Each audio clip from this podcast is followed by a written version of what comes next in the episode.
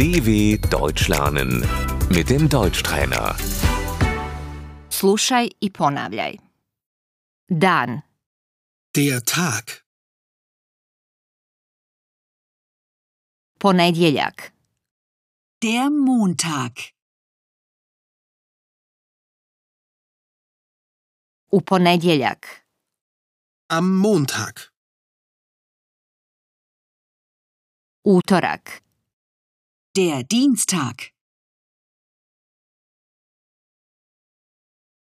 srijeda, Der Mittwoch.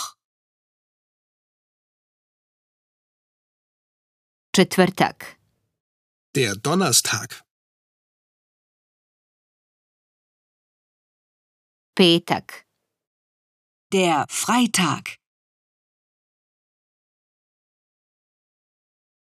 subota, Der Samstag.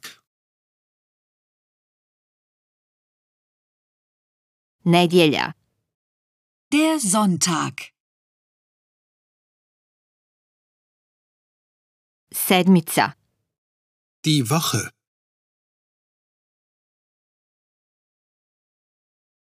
ove sedmice, Diese Woche. sljedeće sedmice, Nächste Woche. vikend, Das Wochenende. za vikend, Am Wochenende. danas, Heute. juče, Gestern.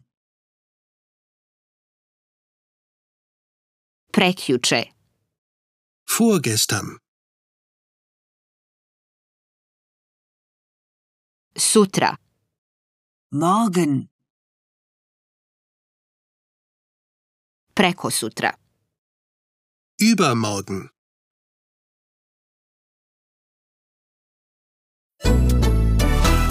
dw.com/deutschtrainer